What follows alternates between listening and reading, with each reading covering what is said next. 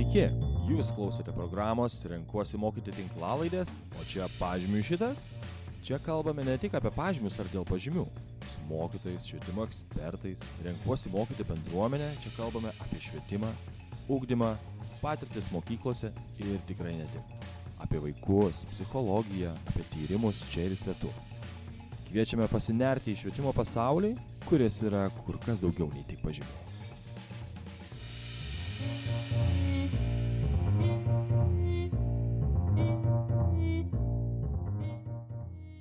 Labas, sveiki atvykę į Rinkiuosi mokyti tinklalaidę. O čia pažymė šitas tinklalaidės tema - migrantų ir pabėgėlių vaikų integravimas mokykloje - socializacija ir ūkdymas. Apie migrantų ir pabėgėlių vaikų ūkdymą Lietuvoje garsiau ir dažniau pradėjom kalbėti tik prieš porą metų, prasidėjus karui Ukrainoje. Bet tokius vaikus sutikdavome mokyklose ir juos mokėme dar iki tol. Tikėtina, kad toliau sutiksime vis dažniau. O tai reiškia, kad šis klausimas taps vis aktualesnis. Tad šiandienos tinklalaidė ir skirsim tam, kad geriau suprastume, kuo šis ūkdymas skiriasi, su kokiais iššūkiais ir džiaugsmais jo metu susidarėm. Ir kas tokiame ūkdyme svarbiausia. Aš esu Irina, etikos mokytoja Vilnius Žaros gimnazijoje, Social Talk LT kurėja ir programos Rinkuosi mokyti alumne. Labą dieną Indrė, laba diena Greta, gal galite truputį pakalbėti apie save? Taip, tai sveiki, esu Greta Botyriūtė Skiotienė,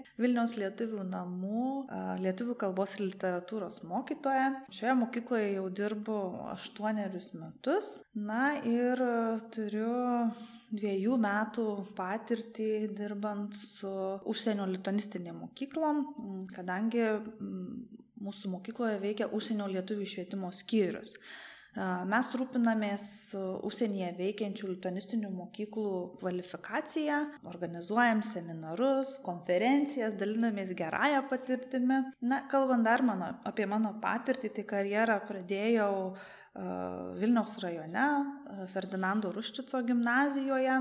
Teko padirbėti porą metų lietuvių kalbos ir literatūros mokytoja. Taip pat turiu nemažą patirtį su, dirbant su suaugusiais, mokant juos lietuvių kalbos, tai įvairios, įvairūs lietuvių kalbos vasaros kursai, baltistikos stovyklos. Taip pat teko keturis metus dirbti Vilniaus Gedimino technikos universitete, kur dirbau su būtent Erasmus studentais ir jie mokėsi na tokio, tokio trumpo lietuvių kalbos kurso. Tai tiek. Tai sveiki, esu Indrė, kaip ir Greta dirbu lietuvių kalbos mokytoja Vilniaus lietuvių namuose. Tai iš tiesų dirbu su ta tokia tikrai įvairia mokinių bendruomenė iš užsienio atvykusių užsieniečių, sugrįžusių lietuvių ir vietinių lietuvių vaikų mūsų tokia miš mišri bendruomenė yra. Taip pat nuotoliniu būdu dirbu su Europos lietuvių mokinių klase.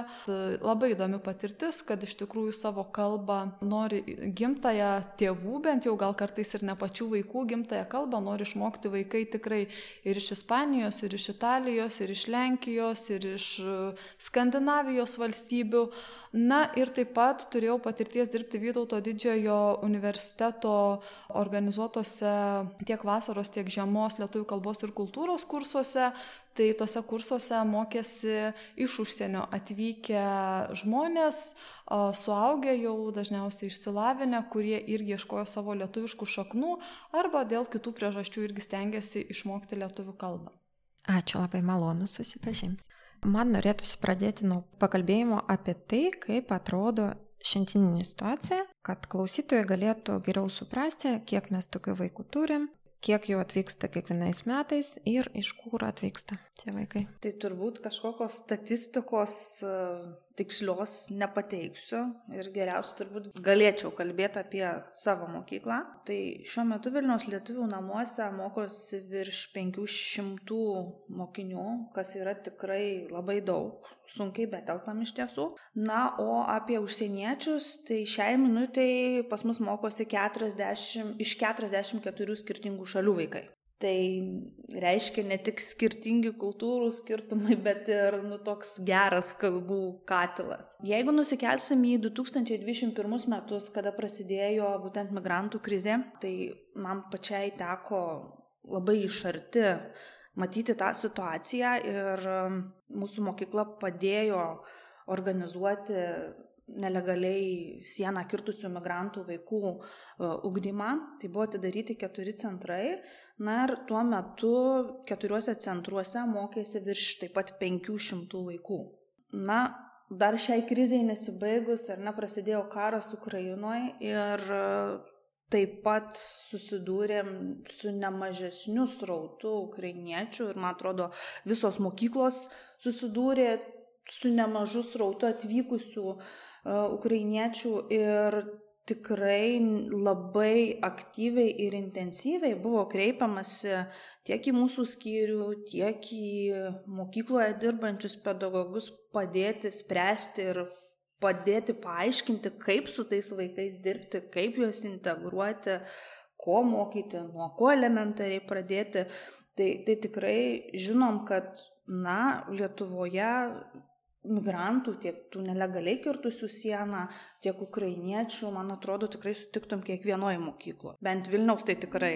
Aš irgi manau, kad skaičius vaikų tikrai yra didelis, nes, na, mes turim tą, kaip pasakyti, atvykimo į Lietuvą galbūt pati ta tema atvykimo į Lietuvą, jinai tiesiog yra ne vienalypė. Tai yra ir karo emigracija, karo pabėgėliai, ir kaip Greta sakė, ne, nelegali migracija ir ne čia vykusi, galų gale grįžta, pavyzdžiui, žmonės lietuviai su savo lietuviais vaikais iš užsienio šalių, tačiau jie yra nekalbantis gimtają lietuvių kalbą ar ne jų gimtoji kalba, pavyzdžiui, anglų būna. Tai O ir šiaip Lietuva yra pakankamai patraukli valstybė, tiesą sakant, gyventi ją ir iš vakarų atvyksta žmonės, o iš vakarų Europos, tai ta migracija labai tokia įvairi ir manau, kad tikrai, kad Vilnius susiduria su šituo klausimų tai tikrai, bet kad manau ir regionai mažesni, ypač po karo su migracija labai stipriai susiduria ir kad vaikų, kuriems tikrai reikia didelės pagalbos, mokantis lietuvių kalbos, integruojant į visuomenę, mes Lietuvoje tikrai turime pakankamai, kad tą temą gvildentumėm ir tiesiog dirbtumėm. Tai tada norėčiau užduoti kitą klausimą apie saugumą ir apie darbą apskritai su vaikais. Ar yra kažkokia tvarka arba principai, kuriais vadovaujamės tokiems vaikams atvykus į mūsų, mūsų mokyklas? Kokie, e, kokie šios integracijos skirtumai tarp mokyklų? Na, turbūt taisyklės kuria kiekviena mokykla. Ir taip, mūsų mokykloje mes turim tikrai didžiulę patirtį, daugiau nei 30 metų dirbam šitoj srityje. Na, iš pradžių ši mokykla, mūsų mokykla buvo skirta būtent tremtinių vaikams, tai tie, kurie buvo deportuoti į Sibirą, nežinom visą tą skaudžią istoriją. Na ir kadangi turim tikrai nemažą patirtį, tai turim jau ir kažkokią sistemą savo mokykloje, ar ne? Tai jau girdėjote, ar ne, iš pokalbio pasakoju šiek tiek apie išlyginamąją klasę, e, tai būtent pas mus atvykę vaikai, kurie visiškai nekalba lietuviškai arba labai silpnai kalba lietuviškai, jie pirmiausia keliauja į išlyginamąją klasę, kur, kaip ir minėjau, labai intensyviai mokosi lietuvių kalbos, tai per savaitę jie turi 22 lietuvių kalbos pamokas. Tai reiškia per dieną apie 5-6 pamokas, kas yra nu, surrealu, iš tikrųjų, Indrė juokiasi, neturi tos turbūt patirties dirbant išlyginamoje klasėje, nes kai vaikas ateina, nu tarkim, turi dvi lietuvių kalbos pamokas, ar ne, tai jau nėra taip lengva e, išlaikyti antrą pamoką tą dėmesį, bet įsivaizduokit, tai yra penkios arba šešios pamokos per dieną. Tai mokytojas iš tiesų jis turi būti puikus aktorius ir labai puikiai išmanyti savo dalyką, kad jis neatsibostų, kad jis būtų įdomus, kad jo klausytųsi ir kad vaikas tavat būtent dieną jis kažką įsineštų. Tai iš savo asmeninės patirties galiu pasakyti, kad, na, pirmas kokias tris pamokas dirbdavom tikrai intensyviai, kas liečia gramatiką, skaitimą, O likusios kitos trys pamokos tai būdavo tokia daugiau lengva improvizacija, integruojant įvairius dalykus. Tai ir muzika, ir, ir teatras, ir ko mes darydavom, ir su Vilnium pažindindavomės, keliaudom į ekskursijas, keisdavom tiesiog aplinką mokymuose, kad na tu juos sudomintum ir pritrauktum prie to dalyko, nes mokantis lietuvių kalbos ir taip intensyviai, motivacija, man atrodo, yra viena iš tų pagrindinių dedamųjų, kur, kur, kuri vat, būtent padeda pasiekti sėkmę. padeda išmokti kalbos, pasiekti tą tikslą ir toliau mokyti su visais bendro ugdymo klasė. Na, o kalbant turbūt apie kitų mokyklų patirtį, ar ne, kalbant apie tą ukrainiečių būtent situaciją, e, tai mokyklos daro įvairiai ir kadangi teko konsultuoti ir konsultacijas mes teikiam mokytojams, tai tikrai jie neturi tokios prabangos atsidaryti e, išlyginamasias klases Tai gali būti taikomas antras toksai kaip modelis, kad vaikai yra tiesiog integruojami į bendrojo augdymo klases. Tai reiškia, nu truputėlį plaukia pasroviui. Tie, kurie, kaip pasakyti, mokosi ir kurie taip pat įkritę į tą klasę ir, kaip aš sakau, plaukia šiek tiek pasroviui, tai jie žino, kaip tai yra sudėtinga ir tą motivaciją turbūt išlaikyti dar yra sudėtingiau. Bet tikrai žinau ne vieną sėkmės istoriją ir vėl šitoj šitam visame dalyke turbūt vėlgi motivacija veikia stipriausiai. Ne? Kaip, kiek mokytojas yra kompetitingas, turbūt sudominti ir pasakyti, kad nu varom toliau, darom, čia va, tu pažiūrėk jau kiek nuėjai. Taip, jau, jau, jau tikrai jaučiasi progresas ar ne, darykim toliau. Tai tokiem vaikam iš tikrųjų yra daug sudėtingiau, man atrodo, pasiekti tą rezultatą. Tai va turbūt tokie pagrindiniai modeliai ir Aišku, mes dar mokomės. Mes tikrai mokomės ir, ir, ir mūsų Lietuvos mokyklos turbūt mokosi priimti tuos atvykstančius, grįžtančius migrantus, ukrainiečius. E, bet aš manau, kad mes tikrai puikiai susitvarkom. Mes norim. Mes, mes turbūt turim kažkokių e, bendrų sąsajų su istorija, ar ne, jeigu kalbėsim apie, ukrain, apie ukrainiečius, ar ne, ir nebūtinai. Mes turim tos kažkokios lietuviškos empatijos, man atrodo, to tokio vat jautrumo ir mes esam suinteresuoti. Nors, aišku, yra tekę girdėti įvairių istorijų, kad nu, ir palieka plaukt pasroviui, ko tikrai kartais taip klausais ir taip širdį skauda, kad nu, tikrai galima padaryti geriau, reikia tik, nu, truputėlį pasistengti. Taip, iš tikrųjų, na, tas toks masinis ar ne imigracijos procesas, na, jis išgazino daugybę mokytojų, kurie buvo su to nesusidūrę. Nes iš tiesų Greta atsako, kad mokykla teikia tikrai su Greta su kolegijomis tas konsultacijas, Bet žinot, na, karas yra iš tikrųjų toks dalykas, kuriam, nu, nebuvo mes pasiruošę irgi nei tam mastui vaikų. Ir matyt, pirmiausia, kai vyko ta situacija, buvo, na, atsižvelgta tiesiog kaip saugiai, normaliomis sąlygomis apgyvendinti tą masę žmonių, jie pasiskirsti ar ne įvairiuose rajonuose. Ir tada ir įvairiuose rajonuose, ar ne, išėjo į mokyklas. Tai mokytojai, kai kurie buvo pasimetę, tikrai o, tuo metu nežinau, kaip dirbti su tais vaikais, gaudavau, o, pavyzdžiui, ir messengerį žinučių ten iš kitose mokyklose dirbančių pažįstamų kolegų. Indrė, žinau, kad tu tokioje mokykloje dirbi, kaip čia dirbti su tais vaikais, ką daryti, pas mane va klasė, devinta klasė, čia tik tai vienas vaikas, jis visiškai nekalba lietuviškai, ką man daryti. Aš tada jau nukreipdavau, siūsdavau nuorodas į tas konsultacijas, bet o, ir šiaip tą patirtim pasidalindavau. Yra sudėtinga. Mūsų ta išlyginamoji klasė, aš manau, yra puikus modelis ir, ir yra prabanga netgi iš tiesų o vaikams patekti tą išlyginamąją klasę, nes, na, tai nuėma šiek tiek streso, susirenka visi vaikai, visi yra ką tik atvykę į Lietuvą, nieks nemoka lietuvių kalbos, mokytojai turi savo metodiką, ekskursijos, žodžiu, socialinis gyvenimas, visi vienodi, nu, ir visi važiuoja savo ritmu.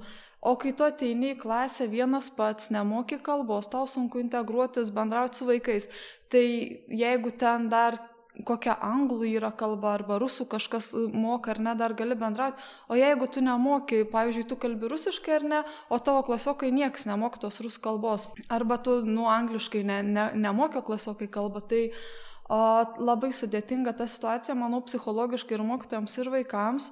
Nu, bet mokytojai stengiasi iš tikrųjų ir su tuo žodynu padirbėti ir tas užduotis palengvinti ir įvesti, o, ko tik nebuvo padaryta. Tai kaip Greta sako, mes iš tikrųjų turime motivaciją padėti tiems vaikams kažkaip suteikti jiems, na, tokią tą saugią aplinką, bet matyti ir galbūt ir patirtis, ir, ir profesionalumas mokytojų irgi čia, nu, labai reikšmingas yra.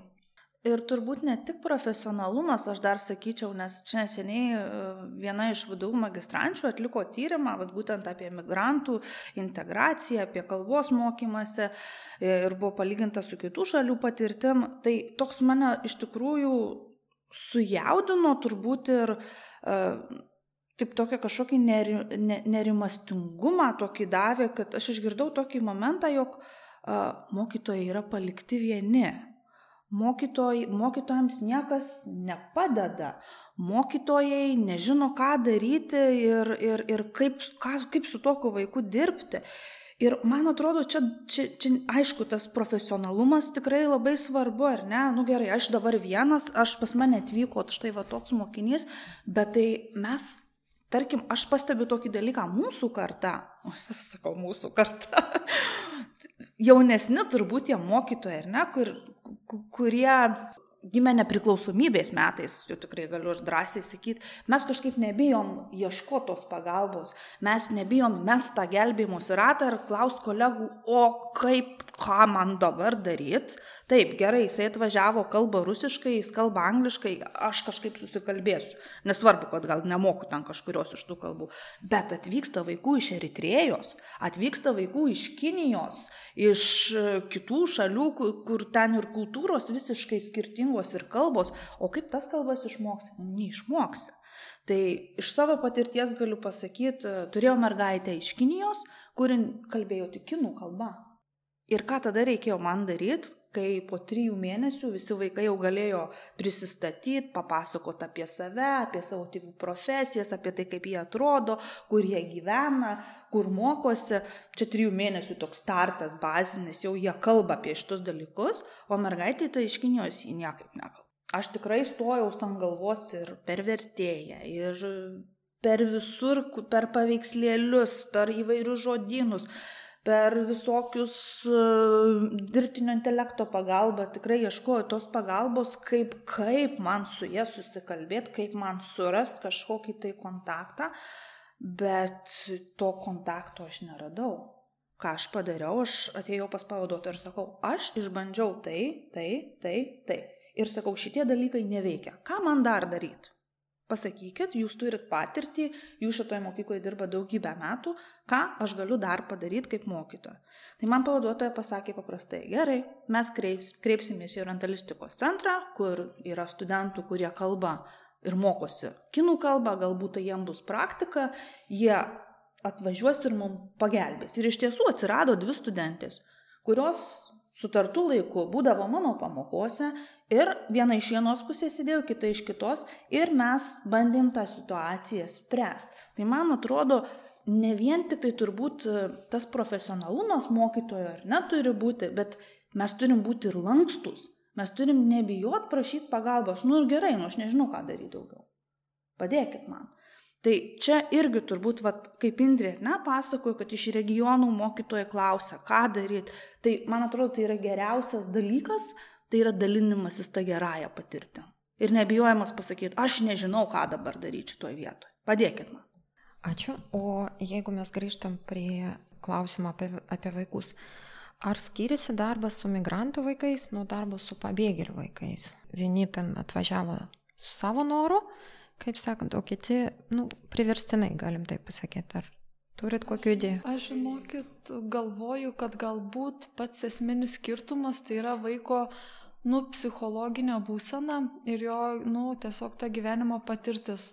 Tai pabėgėliai, jeigu mes kalbėtumėm apie ukrainiečius kaip apie pabėgėlius, ar ne, kad tai yra karo pabėgėliai, žmonės su traumuojančia skaudžia karo patirtimi ir jų ta būsena nepagerės pabėgusi į kitą valstybę, jie yra saugus ar ne nuo karo, bet tas skausmas karo jis atkeliavo kartu su jais. O emigracija yra labai įvairi ir labai įvairiais keliais įvykusi tai viskas irgi labai priklauso. Pavyzdžiui, ar yra atsiųstas galbūt į Lietuvą tik tai vienas pats vaikas, kuris gyvena ir nebendrabutį ir e, bando integruoti visuomenę, ar yra ir visa šeima, o galbūt ir giminės kažkiek lietuviš, Lietuvoje ir jis tokį socialinį gyvenimą gyvena, jaučiasi saugesnis, turi savo bendruomenę, o galų gale kartais atrodo, kad, na, va štai grįžo ten, tarkim, šeima su vaikais, galbūt jiems ir nėra labai sudėtinga, jie čia lietuviai ir ne, ta šnekamąją kalbą šiek tiek moka, bet irgi niekada nežinai grįžimo priežastis, ar tai ekonominės, galbūt tėvų skirybos, ką tie vaikai parsinešė. Tai iš esmės, na, turi būti pakankamai jautrus ir atsargus, nes tai gali būti psichologiškai tikrai labai jautri mokinių grupė. Nepaisant to, nežinau, kokiomis sąlygomis jie ir dėl kokių aplinkybių atsidūrė Lietuvoje. O pats darbas, na nežinau, manau, kad jeigu kalbėtume apie lietuvių kalbos mokymą, tai jis, na, nu, kaip ir tą psichologinį tokį socialinį momentą ir neaptarus, labiau galbūt priklauso nuo to, kokia yra, na, ta lietuvių kalbų, kalbos žinių ar ne, ta būsena, tarkim, ar ne. Ar mokinys bent jau šnekame, kalbą iš tėvų išmokęs yra, bet jam, pavyzdžiui, skaityti ir rašyti reikia mokėti. Ar mokinys nemoka iš vis jokios kalbos, kurią moka, pavyzdžiui, aplinkiniai esantis ir mokytoja. Ar mokinys, pavyzdžiui, bent jau anglų kalbą moka ir gali bent su bendraklasiais ir mokytojais bendrauti ir taip toliau. Tai matyt, ta būtent lietuvių kalbos tas mokėjimo lygis, jis ir tada, nu, parodo, kaip čia reikės dirbti ir kuo skirsis ta situacija. Na, jeigu praplečiant Indrę, ji galbūt daugiau kalba apie grįžtančius, ar ne, po, po breksito ir dėl kitų priežasčių mūsų mokykloje besimokančius vaikus, bet pati iš labai arti, kaip ir minėjau, mačiau visą nelegaliai kirtusių migrantų situaciją. Tai kadangi mes buvome atidarę keturis centrus Lietuvoje, tai buvo medininkai, Rukla, Vilniui turėjom centrą ir Pabradėjai turėjom centrą. Tai Rukla buvo toks vienas iš didžiausių centrų, kur mokėsi apie 200 vaikų, virš 200 vaikų. Ir, na, aš pati jau turėdama šiokią tokią patirtį, dirbus išlyginamojo klasėje, atėjau koordinuoti būtent migrantų visą tą ugdymą ir, ir mokytojus teko apmokyti. Tai čia vėlgi nesulyginami dalykai yra turbūt, nes būtent kurie uh, tie vaikai, kurie nelegaliai kirto su tėvais sieną, kai kurie baset bėgo, kai kurie vestriukių, ar ne, matėm visą tą situaciją, kaip mus čia tiesiog užtvindė ir, ir tikrai mes buvom nepasiruošę šitam scenarijui. Bet turbūt džiugina, kad mes susitvarkėm su šita situacija ir kalbant apie tuos vaikus, tai yra kardinaliai skirtinga grupė vaikų turbūt negu tie, kurie atvyksta, grįžta ar ne čia pas mus e, po breksito, ar kažkiek silpnai kalbantis, arba iš viso atvažiuoja nekalbantis ten iš, kaip ir minėjau, Kinija, ten Ispanija, Kolumbija. Taip, tai čia visiškai kitokia grupė, nes šie vaikai, jie turi kitokią motivaciją, turėjo visiškai kitokią motivaciją. Jie puikiai suvokė kad čia yra tik tarpinė stotelė, kad čia mes būsim tik kažkokį apibrėžtą laiką. Na ir aišku, turbūt labiausiai liūdina tas nepasiruošimas institucijų, kad, kad mes nebuvom, mes nežinojom, ką daryti, nu, nuo ko pradėti, nebuvo jokios tvarkos, kaip, kaip juos integruoti. Taip, mes turim didžiulę patirtį mokyklos, bet tai yra visai kitokia grupė, jų motivacija yra visai kitokia, jie žino, kad tai yra tik tarpinė stotelė. Mes čia truputėlį pabūsim ir važiuosim toliau į Vokietiją, Norvegiją, ten dar kažkur emigruosim. E, bet kas iš tiesų stebina, kad e, mes susikaupėm, mokytojai buvo apmokyti ir prasidėjo visas tas ugdymas ir vaikai labai noriai lankė tas pamokas. Vadinasi, mes kažką turbūt gerai padarėm Ir, ir mokytoja turbūt gerai padarė, atėjo su ta teisinga nuostata. Nesvarbu, kad tai yra tarpinė stotelė, tai yra vaikas. Pirmiausia, mes jį žiūrim kaip į vaiką, taip kaip į asmenį.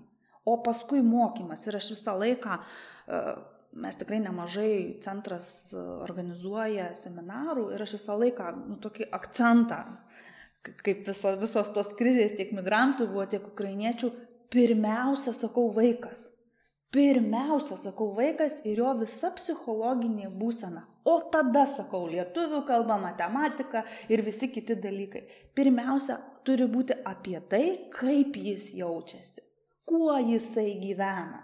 Nes tikrai yra ne vienas pavyzdys, kad jeigu vaikas nesijaučia saugus, jokio rezultato negali būti. Todėl pirmiausia, sakau, turim žiūrėti vaikų. Tai ir čia toksai pat nu, tokia pati nuostata, nuostata buvo ir e, kadangi, kaip ir sakiau, or, organizavau ir koordinavau visas tas veiklas, tikrai lankydavausi centruose, dažnai ir stebėdavau mokytojų pamokas ir tikrai ateidavau, kam sunkiai sekasi, ką aš atjausdavau iš socialinių darbuotojų greta, ateik pažiūrėti, čia gali būti kažkokia problema. Taip, ir aš tikrai važiuodavau ir sėdėdavau ir sakydavau, nu gal pabandykim taip, o gal pabandykim dar taip. O mokytojai sakydavo, labai sunku, kaip ten su tais mažiukais čia, čia nieko nėra, medžiagos nėra. Sakau, ne apie medžiagą, ne apie medžiagą, ne apie vadovėlį, ne apie pratybas. Žaiskim. Žaiskim, pirmiausia, žaiskim, suteikim tą vat, būtent momentą, kad vaikas jaustųsi saugus. Šiaip norėčiau irgi greta papildyti, kad o, ir vaikai tie atvykę, tarkim, ar ne, būtent ne, ne, nelegaliai kirtę sieną ar ne į Lietuvą, jie atvyko, na, iš visiškai kitokios ugdymo sistemos ir ką Greta sako, kad mes ten kažką gerai padarėm, tai irgi pamenu, mes kalbėjome su kolege, kuri dirbo tame, žodžiu, migrantų ugdymo centre, kad A, sako, berniukas man sako, jis man atrodo gal iš Irano buvo. Sako, čia taip gerai Lietuvoje mokyti, sako, mokytoja pageria, mokytoja, žodžiu, saldainį duoda, dovanėlę, sako, yra ne, jeigu kažką negerai darai, mokytojas tau per galvą duoda. Nu, tai, tai suvokiam, ar ne, kad ta, ta, tiems vaikams, na, ta visa ugdymo atmosfera labai pasikeitusi ir be abejonės jie per laiką pasijuto tiesiog nu, geriau eidami į tą mokyklą, nes, kaip ir Greta sako, pasistengta bent jau kažkiek užtikrinti tą vaiko saugumą ir nes to nepadarius tikrai, jeigu yra vaiko pamatiniai psichologiniai poreikiai nepatenkinti, jis yra pažeistas, tai tu ten su savo to lietuvių kalba gali keliauti labai toli ir tu jam neaktualus tikrai būsi. Taip, tai jie, kaip ir Indrė sako, atvyksta iš skirtingų mokymosi sistemų, ne, kuriuose gal ten kažkoks ir smurtas turbūt toleruotinas, bet tikrai iš patirties galiu pasakyti, kad kai kurie atvyksta iš viso nesimokę, jie ne, nežino, kas yra mokykla. O kodėl taip sakau? O todėl, kad labai paprasta. Tu su, sudėdavo mokytojai flomasterius, pieštukus, jie nežino, ką su jais daryti kaip tą pieštuką ar flomasterį paimt, kaip jį reikia laikyti. Gaudavo plastilino ar modelino, jie žiūri, kas, kas tai yra, sako, kaip, ką su juo, kaip čia. Ir, nu, tiesiog, vat, iš tokios patirties, kai tu matai tą reakciją, tada tu supranti, kad atvyko ir tokių, kurie iš viso niekada nebuvo ugdyti, jie niekada neėjo į jokią ugdymo įstaigą, nei darželį, nei mokyklą, nes, nu, tai elementaru. Ir iš tikrųjų šita patirtis truputėlį sukrečia ir um, tu tada taip apmastai ir turbūt įvertini, kaip gera gyventi Lietuvoje. Ir kad visgi mes, mes laimingi turėtumėm būti dėl to, kad mes turim galimybę mokytis. Dar prisimenu savo vieną mokinę, pabėgėlį iš Ukrainos. Ir pradžioje labai labai kategoriškai sako, aš nebenoriu mokytis lietuvių kalbą, nebenoriu, man nepatinka ir aš galvoju, nu negali būti taip, kaž, kažkokia yra barjera. Ir mes bandau ją prakalbinti labai ilgai. Ir vieną dieną jis sakė, kad aš bijau pamiršti savo gimtąją kalbą. Tai va, ant, net tokių situacijų gali būti ir ant kiek svarbu va, ta jūsų meilė, kurią jūs turit, su kuria jūs va, taip kalbat apie vaikus. Tai labai labai svarbu. Bet žinokit, iš tikrųjų labai įdomi ta, nu, šiaip jausena matytų vaikų, kurie, nu, pavyzdžiui, keliarius metus gyvena Lietuvoje, tai aš tų ukrainiečių irgi vaikų ir turiu, ir turėjau, ir matyti, ir turėsiu dar mokykloje.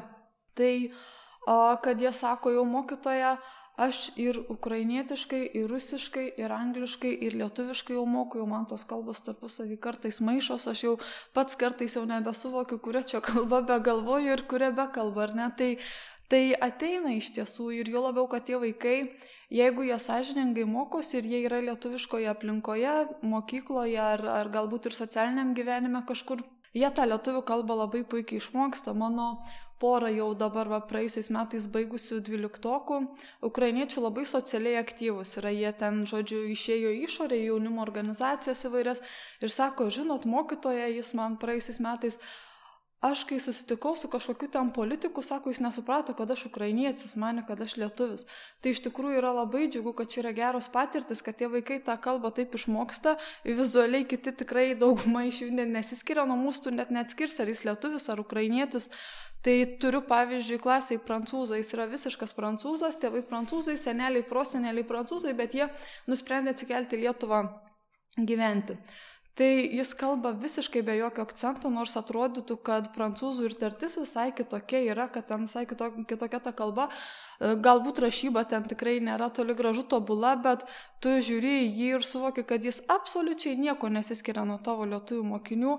Ir aš net kažkada pastebėjau, klausydamas jo, kaip jis gerai dalyvius, žodžiu, aš kaip litonistė vartoja sakinius ir galvoju, nu bet tikrai, nu, kai tiesiog puikiai valdyta jau ta kalba, tai pasididžiuoji ir pasidžiaugi ir kažkaip matai, kad tikrai tai, kad mokinys yra imigravęs į Lietuvą, dar nėra kažkokia diagnozė ar nuosprendis, jis turi labai daug galimybių ir tikrai gali, tik reikia ir padėti tom galimybėm pasinaudoti. Tai Indrei čia apie kalbą, bet aš tai visada, kai tik tenka duoti kažkokį interviu, aš visą laiką labai džiaugiuosi, kai jūs pamatytumėt, kaip mūsų šokų kolektyvas šoka lietuviškus tautinius šokus. Sakau, atvažiuokit ir pažiūrėkit. Jie sakau, taip varo, kad lietuviai, nu, sorry, bet nu, mūsų tikrai ir, ir choras mūsų, kaip iš tiesų, nu tikrai aš labai didžiuojuosi tą tokią po pamokinę mūsų vaikų veiklą, bet tikrai mes ir dainų šventėse dalyvaujam, ir, ir įvairiuose choro festivaliuose dalyvaujam, ir skinam apdovanojimus, ir tikrai kartais galvoju, kad, nu, wow, koks yra mokytojų atsidavimas, ir, nu, aišku, ir tas charakteris. Lietuviškas truputį, bet, bet smagu tikrai matyti tokius pavyzdžius dabar labai noriu pakalbėti apie mokytojų darbą truputį ir noriu dar prisiminti savo tokią vieną situaciją. Su kolegėmis e, buvau susirinkimėse ir mes kaip tik kalbėjom apie, e, apie sunkumus, apie pagalbą ir viena iš, iš mokytojų pasakė, mes dirbam labai gerai, bet mums neįsisikė.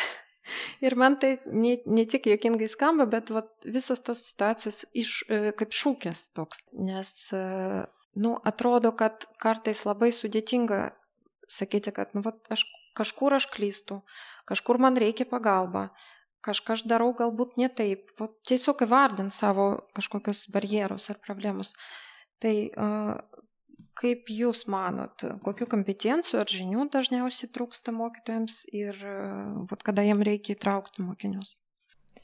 Šiaip, nu, galbūt mokytojai ir dirbo gerai, tik ta situacija nebuvo tinkama tam jos geram galbūt darbui metodiškai. Ko labiausiai mokytojams trūksta, nu, iš tikrųjų grįžkim ir tą Lietuvo švietimo realybę, kuri nėra tobula.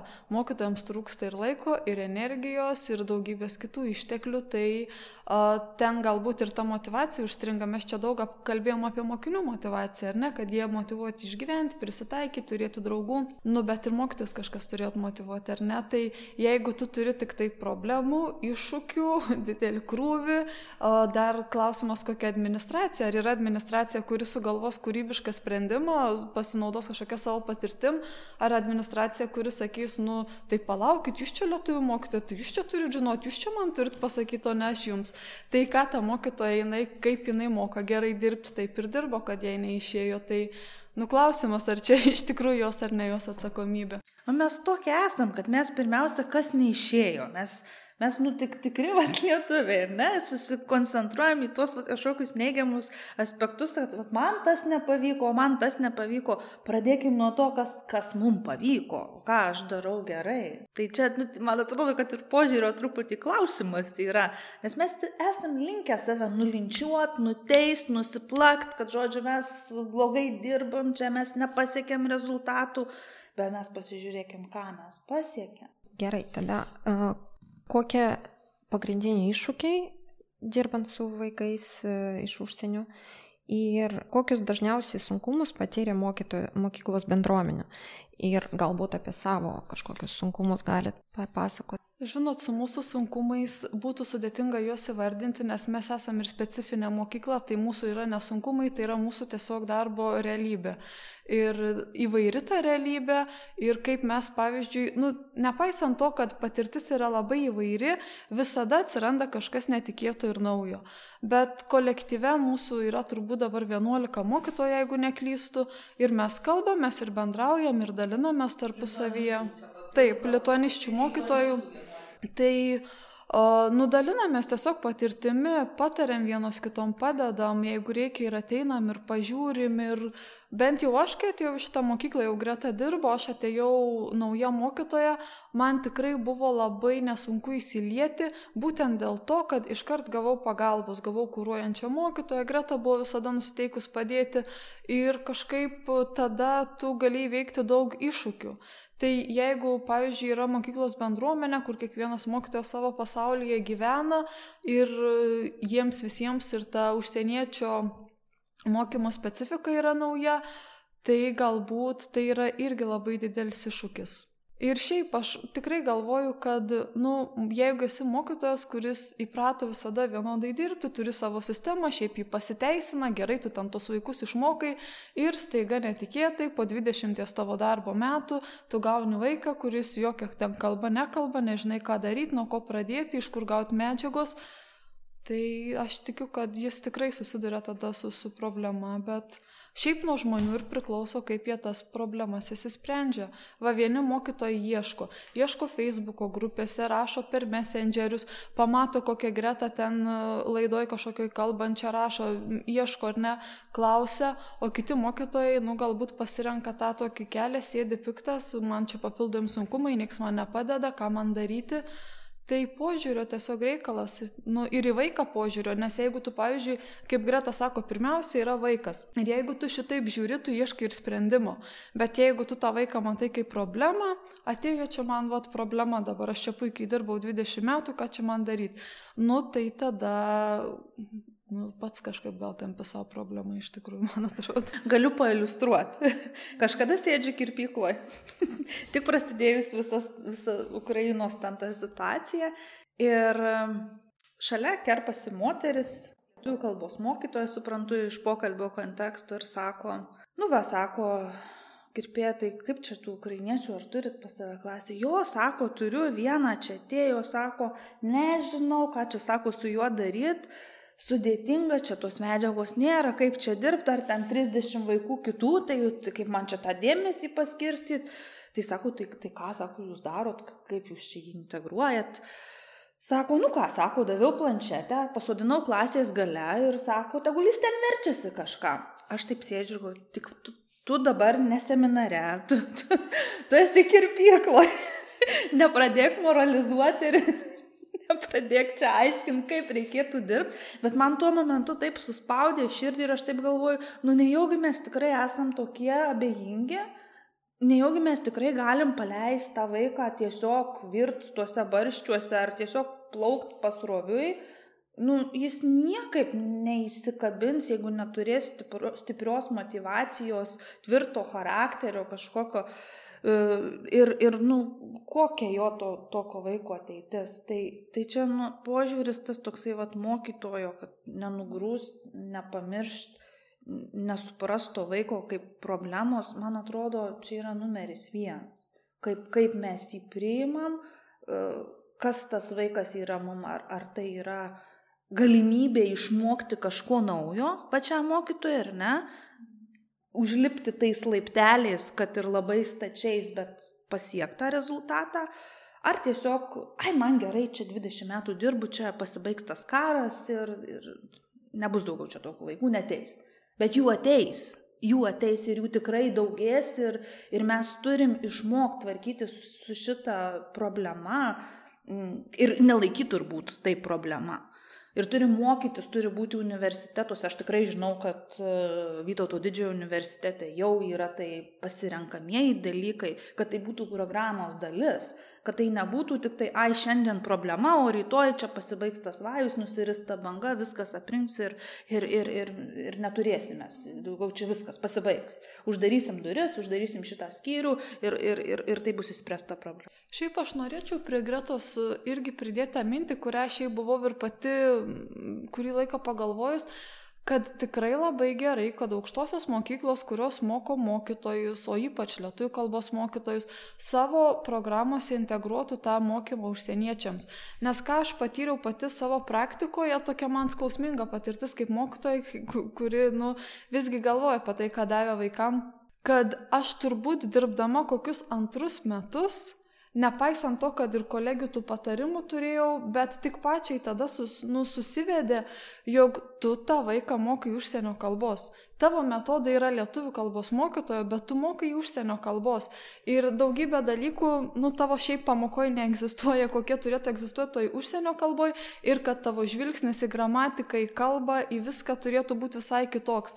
Tai paskui bandžiau, žinokit, ten ir, ir keisti savo tą mokymą ir, ir pažiūrėti, va būtent tą kaip išmokymo, užsienio kalbos mokymo, nes tai labai yra svarbu. Ir kitas dalykas, kas yra svarbu, nu, bet ir nekaltinčiau šiaip mokytojų, tiesą sakant, nu mes tikrai nedirbam čia tokiom auksiniam sąlygom, zefiriukais žongliruodami, nu ne taip yra iš tikrųjų ta realybė.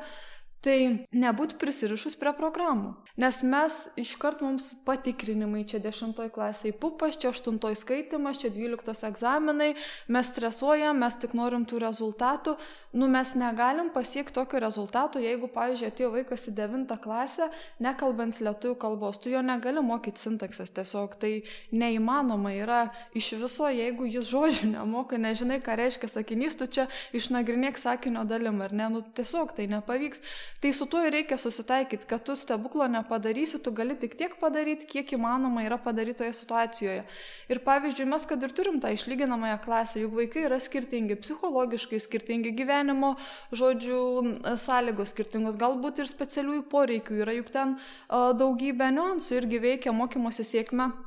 Ir kartais, pavyzdžiui, ateina ir iš tos išlyginamosios vaikai ir silpnas žodynas, jo labiau, nu, taigi išlyginamoji klasė, jinai ten irgi, nu, gimta kalbė iš tavęs nepadarys, tai daug žodžių lieka nežinomų ir ta gramatika, jeigu tu ten neturėjai motivacijos mokytis, psichologiniai niuansai galbūt buvo tuo metu pirmoji vietoje, lieka silpna, Tai aš irgi, pavyzdžiui, turiu šiais metais 8 klasėje mokinį, su kuriuo dabar tiesiog dirbu, duodama jam paprastesnį daug tekstą, kad jis išsiverstų tą tekstą, pasibrauktų nežinomus žodžius, išsiverstų, kad mokėtų nustatyti, kokia tai kalbos dalis, atpažinti ją, plius minus gramatinius tos požymius, nes turiu ten lentelę tokią nusipirkus, tikrai kas sugalvojo išleistą gramatikos lentelę pagal visas kalbos dalis, nuoširdžiai dėkoju.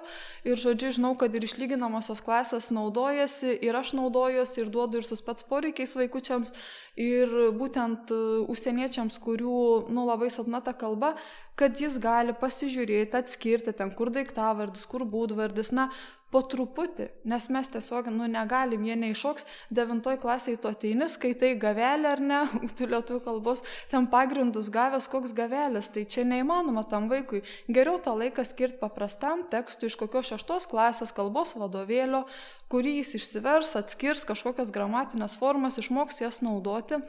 Tai tiesiog ne, nereikalauti reikia iš mokytojų, kad jie padarytų stebuklą ir mokytojams irgi nestresuoju dėl to, kad jie stebuklo nepadarys, nes, nu, neįvyks tas stebuklas. Jeigu tu jį pramokysi lietuvių kalbos, tai bus tavo stebuklas ir tiesiog džiaugis tuo. Ačiū labai. Ar yra kažkokia nors pagalbos sistemų mokytojams, kai kur mums ieškoti pagalbą? Geras klausimas. Šiaip aš kaip ir anksčiau turbūt sakiau, žmogus mokytos turbūt ar net turėtų pats norėtų, norėti ieškoti tos pagalbos. Čia yra numeris vienas. Čia nėra taip, kad e, aš nežinau, sėdžiu ir laukiu, kol mane pastebės, kad aš nežinau. Susireikšminės toks ir laukiu, kol mane čia išgelbės kažkas iš to skęstančio laivo. Tai tikrai aišku turėtų būti numatytos tvarkos ir yra numatytos tos tvarkos, ar ne, bet vėlgi čia yra administracijos turbūt e, šioks toks turėtų būti pastabumas, Ar nežinom, kad jei pas mus į mokyklą atvyksta užsienietis, ar ne, nu, tai yra tam tikri žingsniai, nuo, nuo ko mes pradedam, ar ne.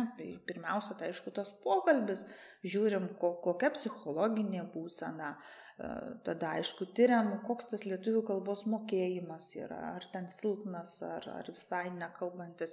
Ir tada jau mes atitinkamai kažką tai galim ir nuspręsti. Bet tokio, kad, nu, mechanizmo, kad 1, 2, 3, 4, 5, Tai čia yra turbūt kiekvienos mokyklos reikalas ir, ir, ir patirtis. Šiaip aš manau, kad nu, tie pradmenys buvo bandyta sukurti tą sistemą, va, buvo tos konsultacijos paleistos. Aišku, problema yra ta, kad nu, ne visą plačią mokytojų bendruomenę ir pasiekia informacija, kad yra tos konsultacijos, kad kada jos tos konsultacijos, kaip čia jungtis, ar mokamai ar nemokamai, ten mokytams daug kilo klausimų. Tai, bet čia irgi galbūt aš jau žiūrėčiau į administraciją, manau, kad administracijoms turėjo būti prieinama ta informacija, o mokytojai, nu jie ir taip tą didelį srautą ir tą stresą patiria gavę tos mokinius, tai kad jie kažko nepamatė, taip, nu.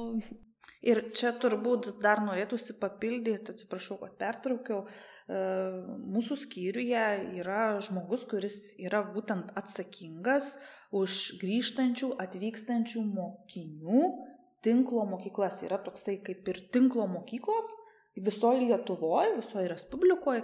Šiai minutiai priklauso 99 mokyklos, iš įvairių ten regionų ir Klaipėda tikrai yra, ir, ir Šiauliai, ir Panevežys, tikrai nemažai. Ir kur vat, būtent atvyksta tiek tie patys ukrainiečiai, tiek migrantai, tiek uh, grįžę ar ne atvykę vaikai iš užsienio, gal šeimos persikrausto.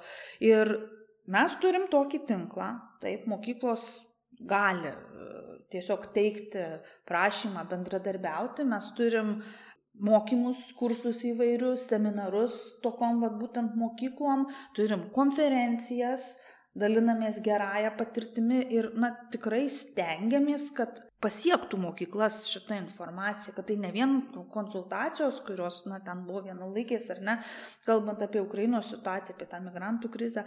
Taip, jos buvo. Mes jas teikiam ir iki šiol, net lygintinai tikrai nei vienam neuždariau durų ar neatsiliepiau, ar net rašiau į messengerį. Tikrai teikiu, jeigu žmonės paskambina ir sako, ką mums daryti, o kaip čia tą mokymą organizuoti, kaip integruoti tą vaiką. Mes tikrai iki šiol konsultuojam ir padedam, bet yra ir tos tinklo mokyklos, ką tikrai norėtųsi pastebėti. Ir, na, ten prisijungusios mokyklos mes nu, turim šiokią tokią bendruomenę ir, ir tikrai stengiamės, kad na, ta informacija būtų ištransliuota kuo, kuo plačiau. Ačiū labai.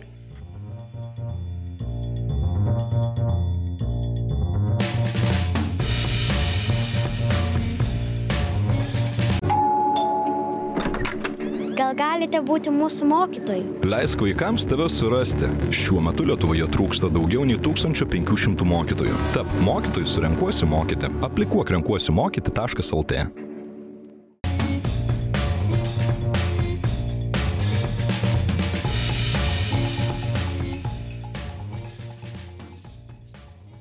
Noriu priminti mūsų temą - migrantų ir pabėgėlių vaikų integravimas mokykloje - socializacija ir ūkdymas.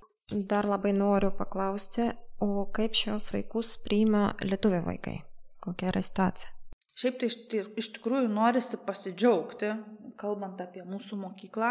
Ir, nu, turbūt mes neturim labai didelių patyčių problemų negaliu sakyti, kad visai neturim, nes gal būtų tikrai nesažininga sakyti, nes, nu, vaikai yra vaikai. Nesvarbu, kokios yra tautybės, taip yra kultūriniai dalykai, ten jie ir pasivadina, ir, ir susiginčia, ir tikrai visokių, ir e, dėl politikos niuansų ten kyla, ir dėl religijos ten jie visai, kaip sakant. Bet, e, manau, mūsų bendruomenėje dirbantys mokytojai mes esam jau pasiruošę. Mūsų ausys visą laiką stačios ir mes tikrai stengiamės stebėti, kas vyksta, kad tikrai nekiltų kažkoks e, didžiulis konfliktas ir aišku pats mokytojas. Jis visą laiką eina tokia plona raudona linija. Taip, kad na, neperžengtų tos linijos, kalbant apie tam tikrus dalykus ir aš visą laiką pati neliečiu pinigų temos, tam tų socialinių visų dalykų, šiaip labai jau turiu ir apie šeimą kalbėti, kadangi tikrai yra, kurie vaikai atvyksta ir, ir be šeimos ir, ir netekę tėvų, ar įsiskyrę, na, tiesiog, aišku, politikos ta tema, religijos ta tema, nu, tai stengiasi kažkaip neišsiplėtoti, nes, na, gali privesti prie kažkokių tai tokių didelių konfliktų, kur tada reikės iš išorės pagalbos, bet taip esam susidūrę. Kolegės patirtis yra tokia, kad e, ta pati išlyginamoji klasė e, veda pamoką apie mano šalis, Taip, tai ten kalbam ir apie Lietuvą, ir, ir apie kitas šalis, kur, iš kurių jie yra atvykę.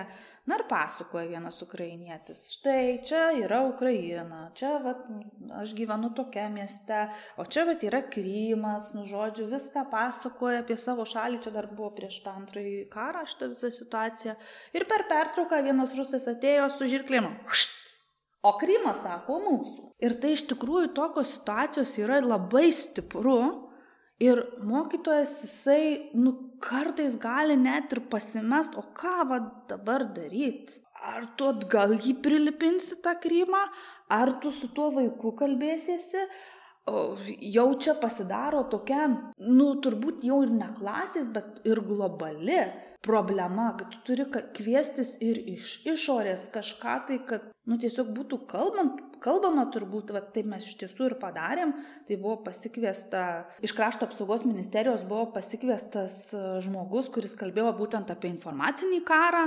Ir mes tikrai sprendėm situaciją jau tuo tokiu globalesniu, sakyčiau, lygmeniu, kad, kad, kad tai nėra tik kažkoks, kažką ten pašnekėjai, bet, bet mes tikrai nu, turim skatinti turbūt tą toleranciją ir, ir negalim šitoj vietoj pasižiūrėti ai, vaikų problemos. Nu, ne vaikų. Mes negalim leisti, kad vyktų tokie dalykai ir turim spręsti jas iš esmės. Ir jie ne, negali suprasti, kad gali taip jie pasielgti. Šiaip norėčiau pridėti galbūt tai, kad kas liečia religinės, ten kažkokias pažiūras, ten gimtąją kalbą ir visa kita tikrai yra, man atrodo, saugi pakankamai mūsų bendruomenė, mes ten ne, nelendami vaikų šitą gyvenimo sritį. Bet šiaip dėl politikos, ypač geopolitikos, tai nesutikčiau. Mūsų mokykla yra lietuviška, yra valstybinė mokykla. Mes e, Lietuvos poziciją labai aiškiai išsakome. Mes minime, dėja jau teks minėti ir antras karo metinės. Pirmasias minėjom, jau panašu, kad dėja bus ir antrosios. Ir mes turim ir sausio 13-osios, ir visas valstybinės šventės švenčiam, ir dienas minime. Ir tas mūsų naratyvas yra pakankamai aiškus mūsų santykių su Rusija. Mums padarytų problemų ir galų gale nu, jos tebesitęsia. Tai ir tos pačios Rusijos ambicijos atkurti čia tą Sovietų sąjungą, kurios yra sakomos garsiai, Tai tikrai, nežinau, tiek aš kaip mokytoja, tiek daugybė mano kolegų apie tai kalbam, diskutuojam. Ir tai, kad yra vaikai iš Rusijos ir tą turi girdėti, aš nematau, kad čia jiems, nu gal trauma šiaip ir yra, nu, nu valstybė gal pati padarė tas traumas, bet, nu tiesiog taip, galbūt traumuojanti, nemaloni yra patirtis, bet tai yra tiesa, tu gyveni, nu dabar Lietuvoje ir tas naratyvas tavęs negali nepasiekti ir tau negali, negali būti apsaugotas nuo to ir visa kita. Tai tiesiog nėra vaiką, į vaiką rodoma pirštu ir jis kaltinamas, nes jis yra vaikas pirmiausia, ar ne? ir visa kita, bet mes turim savo požiūrį į šitą situaciją, esam Lietuvoje, esam valstybinė mokykla ir ten, nu, tiesiog negali būti tolerancijos tam Krymo nukirpimui, ar ne.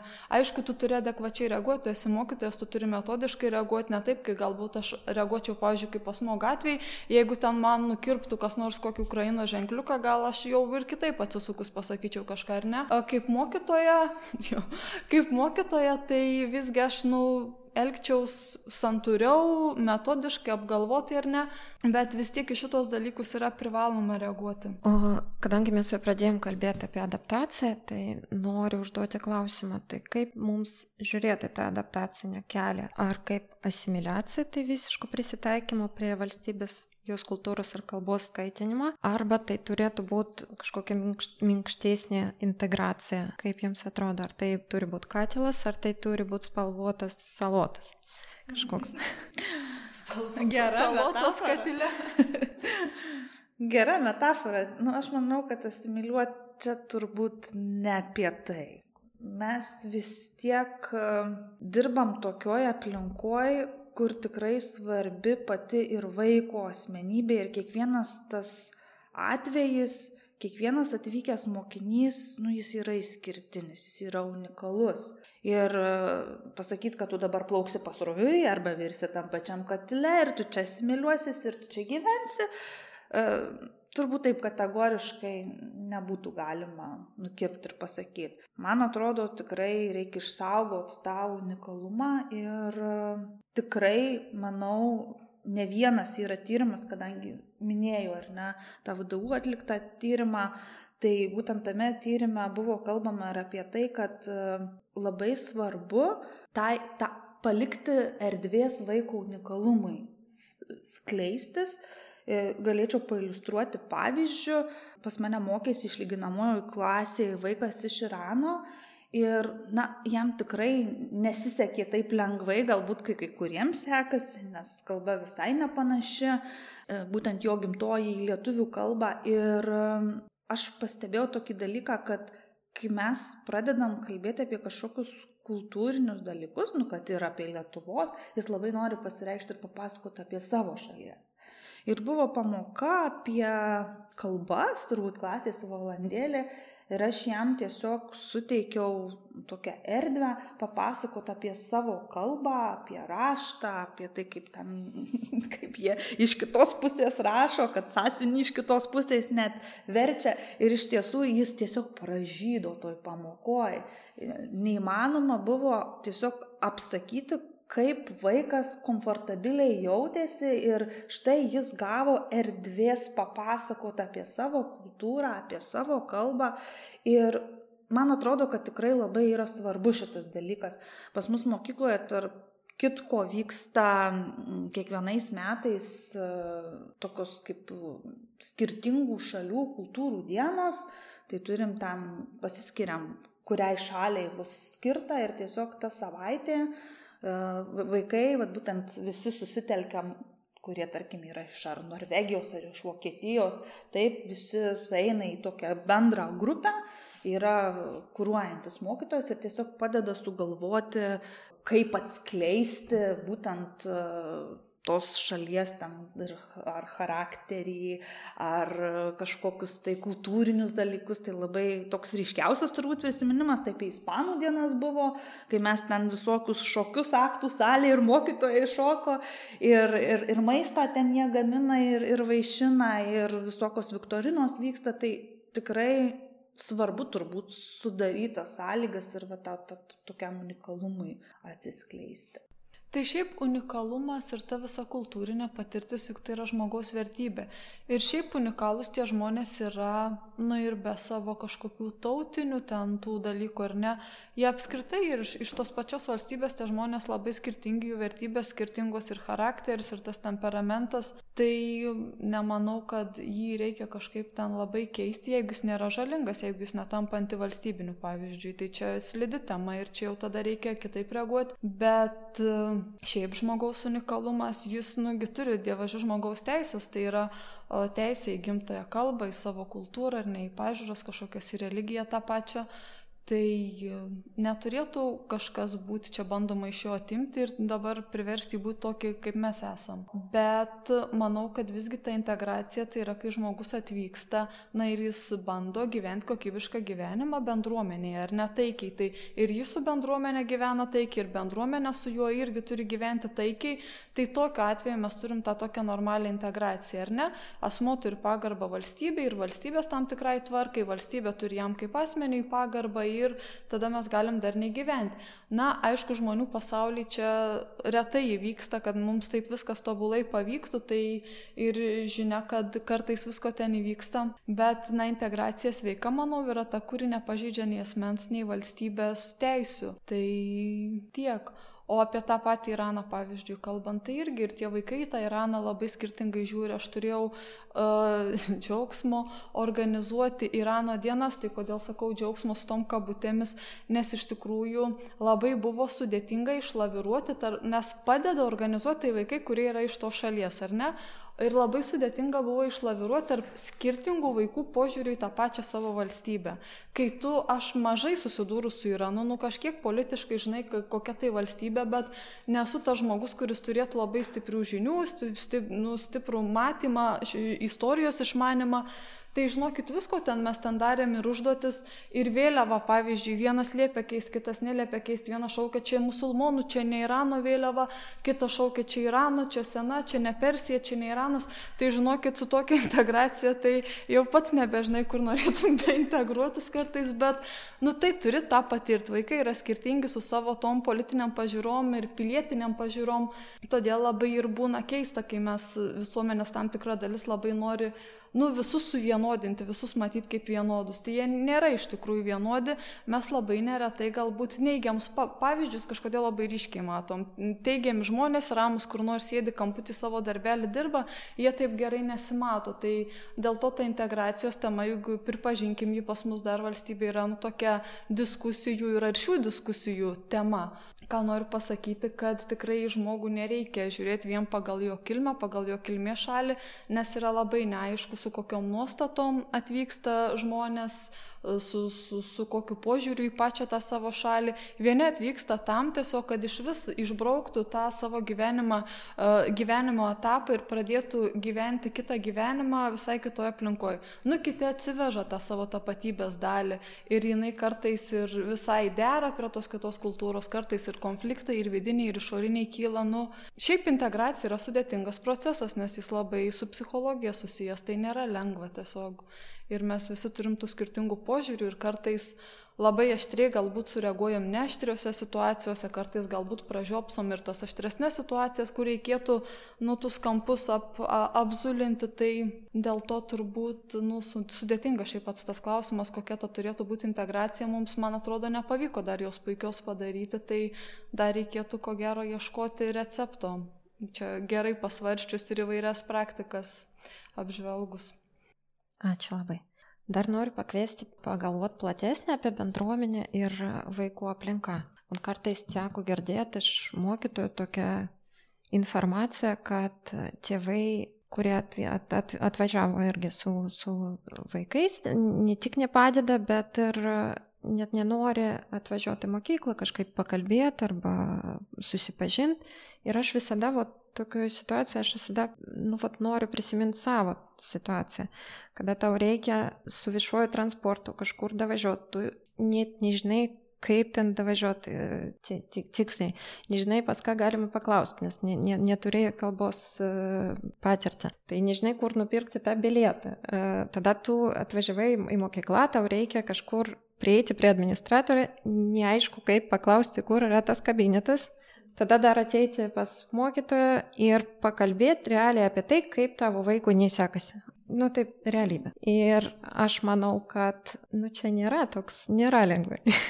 tai čia vėl aišku, kokios tavo nuostatos. Tai tikrai yra tai ir apie tai, nes dažniausiai ne, mes turim tą tokį stereotipinį mąstymą, kad, nu, jau čia mokytojas Bet aišku, vėl skirtingos kultūros kitaip.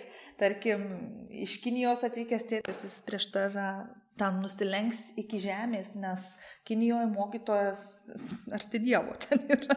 Nu, tikrai labai gerbiama profesija, ne?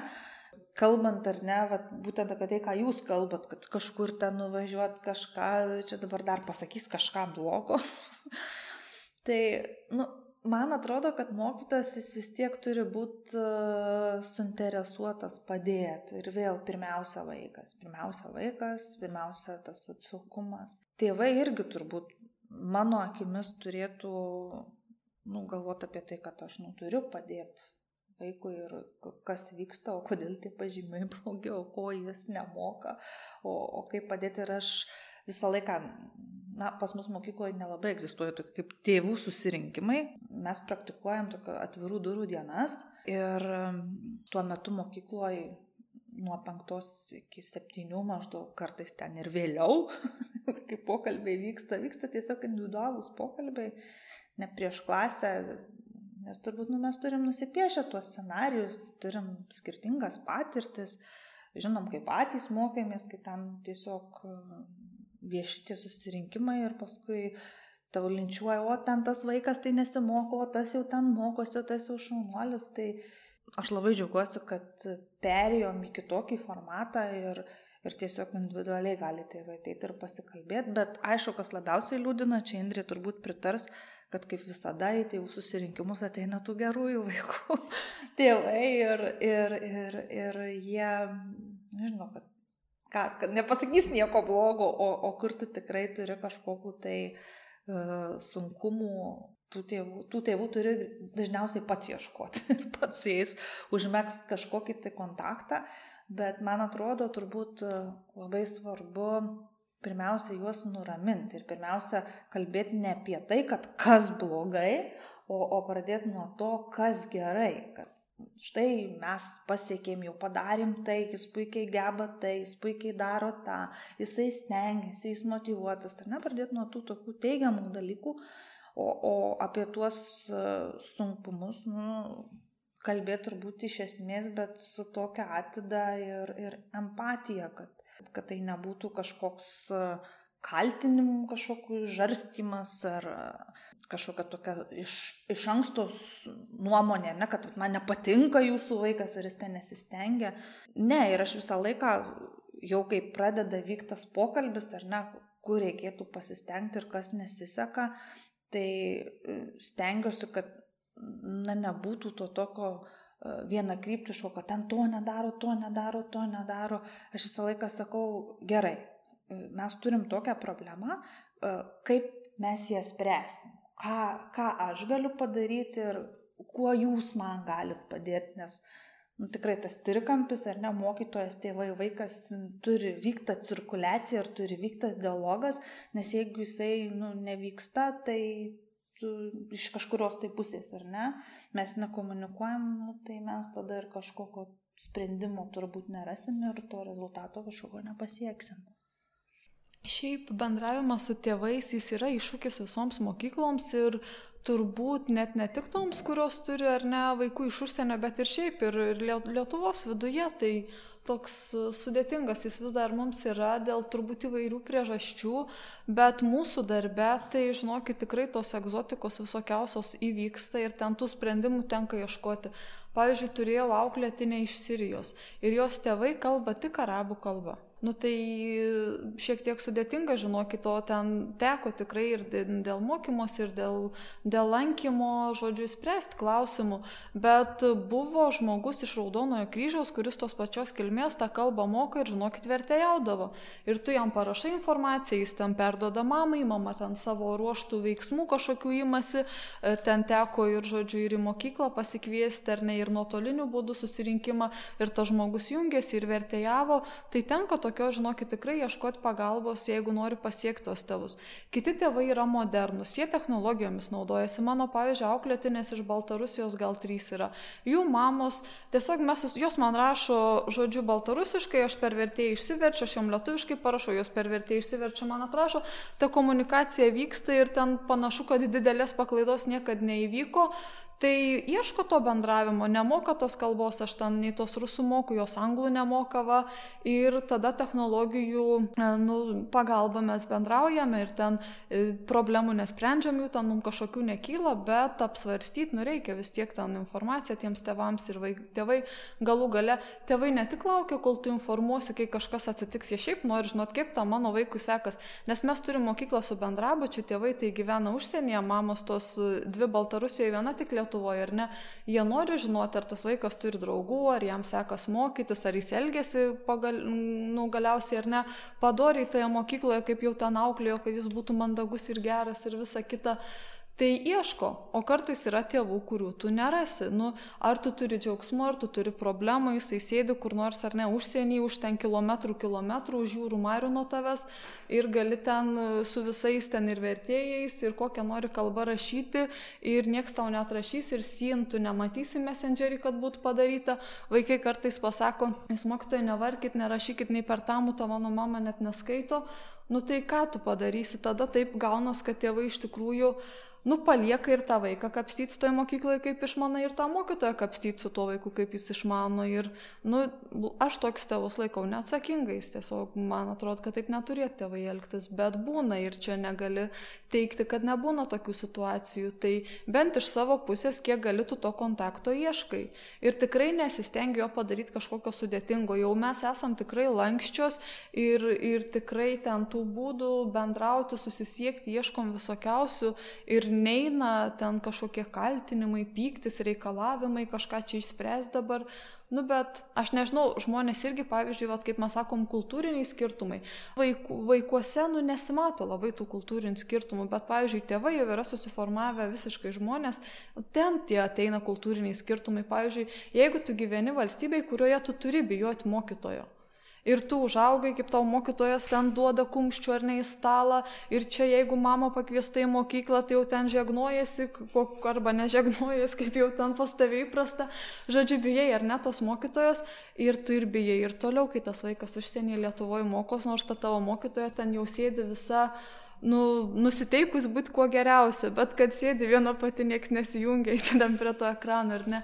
Nu tai būna, nes tiesiog taip yra labai skirtingos patirtis. Kiti bijo tų mokytojų, bijo problemų, kiti galvoja, kad gali vaiką išmesti iš mokyklos, ką čia reikės daryti. Tai, nu ir kai lieki iš tikrųjų be tų tėvų, nu tai ir tvarkaisi be tų tėvų ir sprendi vietoje problemas ir tariesi ir su vaikais, ir su kolegomis, ir su administracija, ir su bendrabučio auklėtojais. Tai ta bendruomenė mūsų gan didelė iš tikrųjų, nu, saliginai nedidelė, bet paėmus platus toks žmonių ratas, kuris yra aplink tos vaikus. Tai taip, tėvų klausimas yra labai įvairus. Ir mums sudėtingas. Ir sudėtingas, taip. Kaip man atrodo, kiekvienam Lietuvos mokytojui. Mes nu, neturim turbūt dar, mes bandom, aš tikrai manau, kad mes mm. bandom susikurti e, kažkokį tai tą santykį ir prisitraukti tuos tėvus, ypatingai dabartinė karta, tikrai su įvairiais mokytojais ir tėveliais susidarėm. Mes bandom, mes mokom. Bet tam reikia laiko. Kaip Mozei 40 metų reikėjo savo tautą per dykumą išvedžioti, tai nu, ir, ir mes. Bet mes keliaujame, atrodo, link to tikslo. O ką pozityvaus gali mums kaip mokytojams ar mūsų klasės bendruomeniai duoti atvykęs vaikai ir ko mes patys mokėmės? Aš tai žinokit labai greit, pavyzdžiui, kaip literatūros mylėtoja, galėčiau pasakyti, kad man vaikai, žinokit, padeda plėsti savo kiratį. Nes, pavyzdžiui, ten turėjau dvyliktoką, jau išėjus iš mokyklos, kurio dėka du tomus Gogolio raštų perskaičiau. Būčiau netradus ir žinokit, labai patiko, tikrai džiaugiuosi, kad tą ukrainiečių klasiką atradau, O daugybę dalykų tu diskutuoji, pavyzdžiui, kad ir ta politika. Aš tai nemanau, kad reikia bijoti diskutuoti šitais klausimais. Tu pamatai, tau gali tas vaiko požiūris būti nepriimtinas, pavyzdžiui, ir tu manai, kad jis tau gal ir, ir neteisus ten, bet tu bent pažįsti žmogaus tą požiūrį, žinai, su kuo turi reikalą, su kuo dirbi, galų gale tiesiog tą platesnį kontekstą padeda pamatyti, tai kodėlgi ne. Tai būna ir tų malonių, ir nemalonių nustebimų, jokia čia nepaslaptis. Tai tiesiog tie vaikai tikrai plečia akiratį. Tu tą pasaulį pamatai ne iš kažkokio geografijos vadovėlio, bet ta geografija ateina pas tave pati su rankytėm kojytėm ir gali daug ką papasakoti. Ir ne tai visai man maloni patirtis. Aš manau, kad tikrai daug ką iš jų sužinojau. Tokių, nu, įdomių momentų.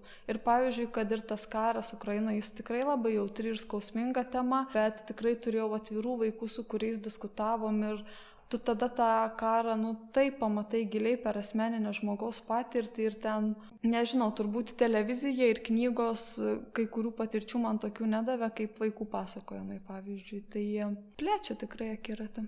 Nu, turbūt pasirašau po kiekvienu indrį žodžiu. Bet turbūt moko ir lankstumo. Ir, ir labiausiai, man atrodo, moko to lankstumo ir to tokio nesustabarėjimo, tokio nesusitrauki vienoje lentynoje ir, ir, ir tu matai plačiau tą pasaulį. Ir, ir pats tampi judresnis, paslankesnis, nesustingęs kažkoks, kas man atrodo šiandienai ir šio laikiniam mokytojui yra būtina savybė. Nes jeigu tu ten tik įsintegruoji tam tikrą lentyną ir nenori nieko matyti aplink save ir plačiau, tai, nu, vienareikšmiškai tu negali dirbti tokio darbo, tu negali iš viso dirbti su, su, su vaikais, jeigu tik matai, va, taip, ir, kaip sakant, tie kidangčiai iš šalies yra uždengti ir bandai spręsti situaciją tik pagal kažkokią tai schemą, pagal kažkokį teisės aktą, tai, tai taip, man atrodo, kad kuo labiausiai išmoksti, tai to tokio lankstumo ir tas žvilgsnis plečiasi Ir šiaip, pavyzdžiui, pamokose, tarkim, vaikų ta kita kalbystė, kai tu sėdi, pavyzdžiui, pamokoj ir pas tave yra klasiai, kas ir prancūziškai, ir itališkai kalba, ir lietuviškai, ir ukrainietiškai, o kaip tik tais ar nenori, tai tokių įvairiausių ar ne galimybių atsiranda. Pavyzdžiui, išvykoje atsimenu, mes buvome Manikščių rajone, ten, žodžiu, Baranausko klėtelėje toje lankėmės ir ten yra Baranausko ta Nikščių šilelio poema, ten išverstai daugybę kalbų. Ir ten labai smagu buvo, pavyzdžiui, mano mokinė viena paskaitė ukrainietiškai, kaip skamba tas anikščių šilelis. Tai faina. Arba kažkada jau čia labai seniai, turbūt tik buvau pradėjus dirbti mokykloje, ėjome sonetus ir ten buvo gal Petrarko sonetai, tai pavyzdžiui, mano mokiniui iš Italijos pavyko perskaityti, susirado žodžiu internete tą Petrarko soneto originalią kalbą. Sako, nu mokytoja, čia šiaip sena kalba, aš taip gerai nemoku, bet žinokit, tikrai jam pavyko. Ir įneša to žavesio į tą ugdymosi procesą. Jeigu tavo įdomi kultūra, tu nori kažką daugiau pamatyti, tai tie vaikai tikrai įneša. Ir nereikia manyti, kad jie įneš tik negatyvą. Konfliktas, žodžiu, neįvykusi integracija, viskas čia, žodžiu, tik problemos, viską. Nu ne, nu tiesiog, tu, jeigu tu pakreipi tą kultūrą tą linkme, kur ji gali būti įdomi, kur gali papildyti, kur gali kažką duoti, tai tu gali iš jos ir pasimti tada. Nu, jeigu ieškai konfliktų, tu tikrai jų gali irgi rasti, aš jums irgi šitą galiu garantuoti. Ir dar paskutinį klausimą turiu. E, jei reikėtų pasvajoti, kaip atrodytų tobulas migrantų ir pabėgėlių vaikų integravimas į mokyklą, kaip jums atrodo? Nu, čia tokį jau paskutinį iššovėt. tobulas, nu, tobulas jis turbūt nebus pagal teisės aktus. Aš vėl grįžtu turbūt prie to paties e, vaiko unikalumo. Pirmiausia, vaikas ir mokytojo lankstumo. Tai va čia ir bus turbūt tobuliausias variantas, kai mokytojas lankstus, kai mokytojas nebijo prašyti pagalbos, kai mokytojas iš esmės sprendžia problemas nepaviršutiniškai, kai įsitraukia tėvai, kai tu gali dalintis gerąją patirtim savo su kolegom, kai tu pats esi motivuotas dalinti savo patirtim. Tai man atrodo, čia yra tas ta ideali situacija, ideali integracija. Nes, nu, tu negali, tai, tai nėra kažkoksai tai apibrieštas dalykas, tai nėra kažkokia aksijoma, kuri labai aiškiai apibrieštų, ką dabar daryti, kaip, kaip jį integruoti. Kiekviena situacija unikali. Ir lankstumas turbūt, man atrodo, yra ta savybė, kur, aišku, dar ir kūrybiškumas. dar mokytojas ir kūrybiškas iš tiesų turi būti, ne tik lankstus. Nes nu, tas lankstumas gali tave nuvesti ir gal visai ne, netinkamu keliu ir, ir tu gali visai brist ten kažkur tai kažkokiais pagiriais, pagriovais keliaut, bet, bet dažniausiai, va, tarkim, kai mokytojai kreipiasi pagalbos ir, ir, ir kai klausia, ką daryti su tuo užsieniečiu, tai jie viską daro gerai man atrodo, tiesiog trūksta to tokio pasitikėjimo ir to tokio mygtuko paspaust, kad viskas gerai, tu eini tuo keliu ir, ir to va tokio pasakymo, pagirimo, kad viskas gerai, tu viską gerai darai, tau puikiai sekasi, pastebėk, kas tau pasisekė. Ir kaip Indrė minėjo, ne neprisilipint prie programų, neprisilipint prie kažkokio tai rėmo, kad aš turiu padaryti tą ir programa man sako, kad turiu daryti tą. Nu, mes tikrai nedarom to. Aišku, labai turbūt esu dėkinga ir Indrė turbūt labai dėkinga administracijai, kad, kad neteina ir sako, va, jūs tai to tai nedaro. O tai kodėl jūs ne pagal programą dirbat? Nes iš tiesų per konsultacijas esu gavusi tokį atgalinį ryšį, tai jūs ne pagal programą dirbat. Nu ir kas? Sakau, nu ir kas? Programa, sakau, ne šventa karvė. Aš žinau, kur, ant kurio laipto antro aš turiu užlipti, o ne kur ten, nežinau, šimtasis laiptas. Aš neužlipsiu ant to šimtojo laipto, jeigu aš nelipsiu ant antro. Taip, tai aš turiu čia susikoncentruoti ir žinot, kokie mano vaiko gebėjimai, ką jisai gali pasiekti, kas jam sekasi. Gal jis tik per dailę gali mokytis, gal aš turiu integruoti tik per dailę ir aš tik tada kažkokį rezultatą pasieksiu. Ir aišku, ta empatija tokia. Tai čia toks vat, visas mišinys turbūt dalykų, kurie lemia tą sėkmingą integraciją, sėkmę vaiko. Tai aš irgi galvoju, kad, na, turbūt kol kas apie tą tobulą integraciją tai tikrai galėtumėm tik pasvajoti, nes, na, yra daugybė tų dalykų, ar ne, pirmiausia, su kuo mes, tarkim, susidūrėme, kai mūsų ištiko karo, ar net ten Ukrainoje, na, padėtis, o ir atsirado daug Ukrainos žmonių Lietuvoje ir poreikis, pavyzdžiui, mokytis lietuvių kalbą buvo didžiulis, o jis buvo didžiulis dėl to, nes tai buvo ne tik vaikai, bet ir suaugusiųjų, na, kiekis, kuriam reikėjo tų kursų, reikėjo apmokymų įvado į tą Lietuvą, į tą lietuvių kalbą. Tai ir pritrūko ir tų specialistų, nes jeigu tau mokykloje mums, mes nesam iš tikrųjų, kaip pasakyti, nereikia, kaip Greta sako, ir nu, plakti savęs ir manyti, kad čia jau, o Dieve, viskas baisu, bet ir tikrai nesam tobula švietimo sistema. Trūksta mums ir tų specialistų, ir tie specialistai, jeigu jų ir netrūksta, jeigu tie mokytojai dirba pusantro krūvo, dar šalutinį kažkokį turi darbą, jie neturi laiko, jėgų, jie ir motivacijos kartais neturi ir tą reikia įsivardinti. Ir dabar mokytojas, pavyzdžiui, jeigu klauso šitą tinklalaidę, jis neturėtų jaustis kaltas, kad jis neturinti e, motivacijos dirbti ar ne papildomai sunkiai su, su, su tais vaikučiais. Vaikai nekalti, bet ir mokytojas nekaltas, kad jis yra tiesiog pavargęs. Tai jeigu mes jau pradėtumėm svajoti, tai be abejonės tai tiesiog normalios yra adekvačiai suvokiamos darbo sąlygos mokytojui, ar ne? Kad tas kūrybiškumas, pavyzdžiui, yra tikrai didžiulė vertybė kaip mokytojai, bet, na, tiesiog pervargę žmogus nėra kūrybiškas, tai tą suvokim. Pervargę, susinervinęs, jeigu administracija, daryk kaip nori, daryk kaip nori, žodžiu, tu profesionalas, tu sutvarkyk situaciją, ar ne, tu jautiesi, kad tave vertina, tave stebi, tu turi kažką parodyti, rezultatus, tas vaikas pradeda šnekėti lietuviškai, tu nesupranti, ar tu čia daug pasieki, ar čia dar jis per mažai pasiekia.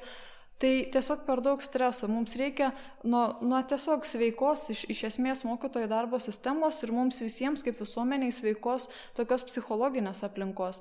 Ir čia pavyzdžiui buvo nu, patyčių tema paminėta. Aišku, aišku, kad visose mokyklose yra tų patyčių. Ten galbūt kiekis ir aštrumas yra skirtingas nuo to, kaip mes sugebam tvarkytis, bet negali nebūti patyčių mūsų visuomeniai. Mūsų visuomenė nėra psichologiškai sveika. Daug pykčio, noro įžeisti kitą, pakomentuoti reglamentuoti kitą, priversti kitą būti tokį, koks tu norėtum, kad jis būtų. Tai ir tai tie vaikai, taigi čia čia pat į, į mus žiūri, mus girdi ir išmoksta iš mūsų to elgesio modelių. Tai kol nėra normalios veikos darbo sistemos ir normalios šiaip visuomenės tokios psichologinės, nežinau, sveikatos, to tokio me, kultūrinio mentaliteto, tiesiog gerbti kito žmogaus ribas ar ne, o, skaityti su kitu žmogumi, tai mes negalim tiesiog turėti tos tobulos sistemos. Bet iš, iš to bent jau, ką mes galim, na, reikia stengti sulibdyti, na, maksimaliai ar ne. Tai nežinau, aš sakau kaip mokytoja, žinau, kas yra nuovargis labai puikiai ir žinau, kad kartais tu turi labai gerų norų, bet tu nebeturi tiems norams įgyvendinti jėgų. Ir aš manau, kad tikrai daugybė mokytojų tą patiria, nes mokytojai turi ir krūvį, ir šeimas, ir, ir daugybė dalykų aplink tave vyksta, tai tu negali vien tik būti kaip koks tobulai dirbantis aparatas būtent savo ar ne darbe. Tave žmogiškai faktoriai veikia. Tai mes svajoti galim, bet dirbti, manau, reikėtų konkrečiai gerinant e, mokytojų darbo sąlygas. Tas pačias grupės mažinant. Nu gerai, aš, pavyzdžiui, dirbu su vieno dydžio grupė, bet man ateis lietuvių kita mokytoja ir sakys, tau gerai, kai tavo klasiai ten 18, 10, o aš turiu va 30. Ir aš negaliu su jie ginčytis, nes aš suprantu, kad jie yra sunku.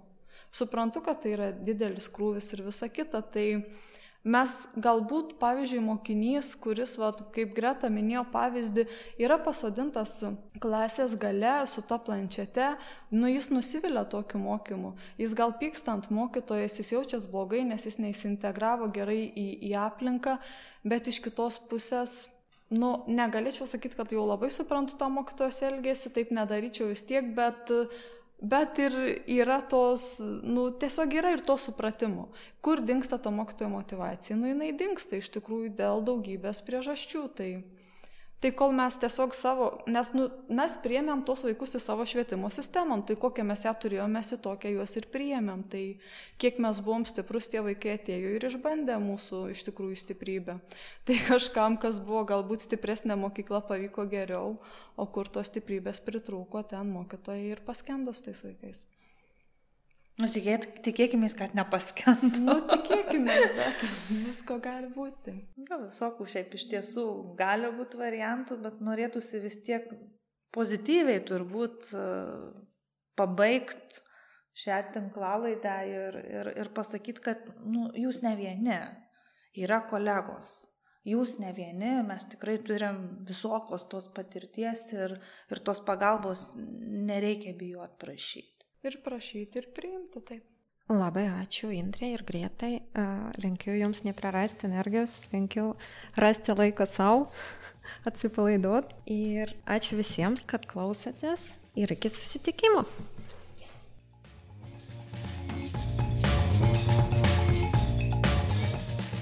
Ačiū, kad klausėte. Tikimės, kad praleistas laikas kartu jums buvo naudingas ir įdomus. Kviečiame susipažinti su programa Renkuosi mokyti ir pasiekti ją Facebook ir Instagram socialiniuose tinkluose. O kol kas, iki kitų susitikimų! thank you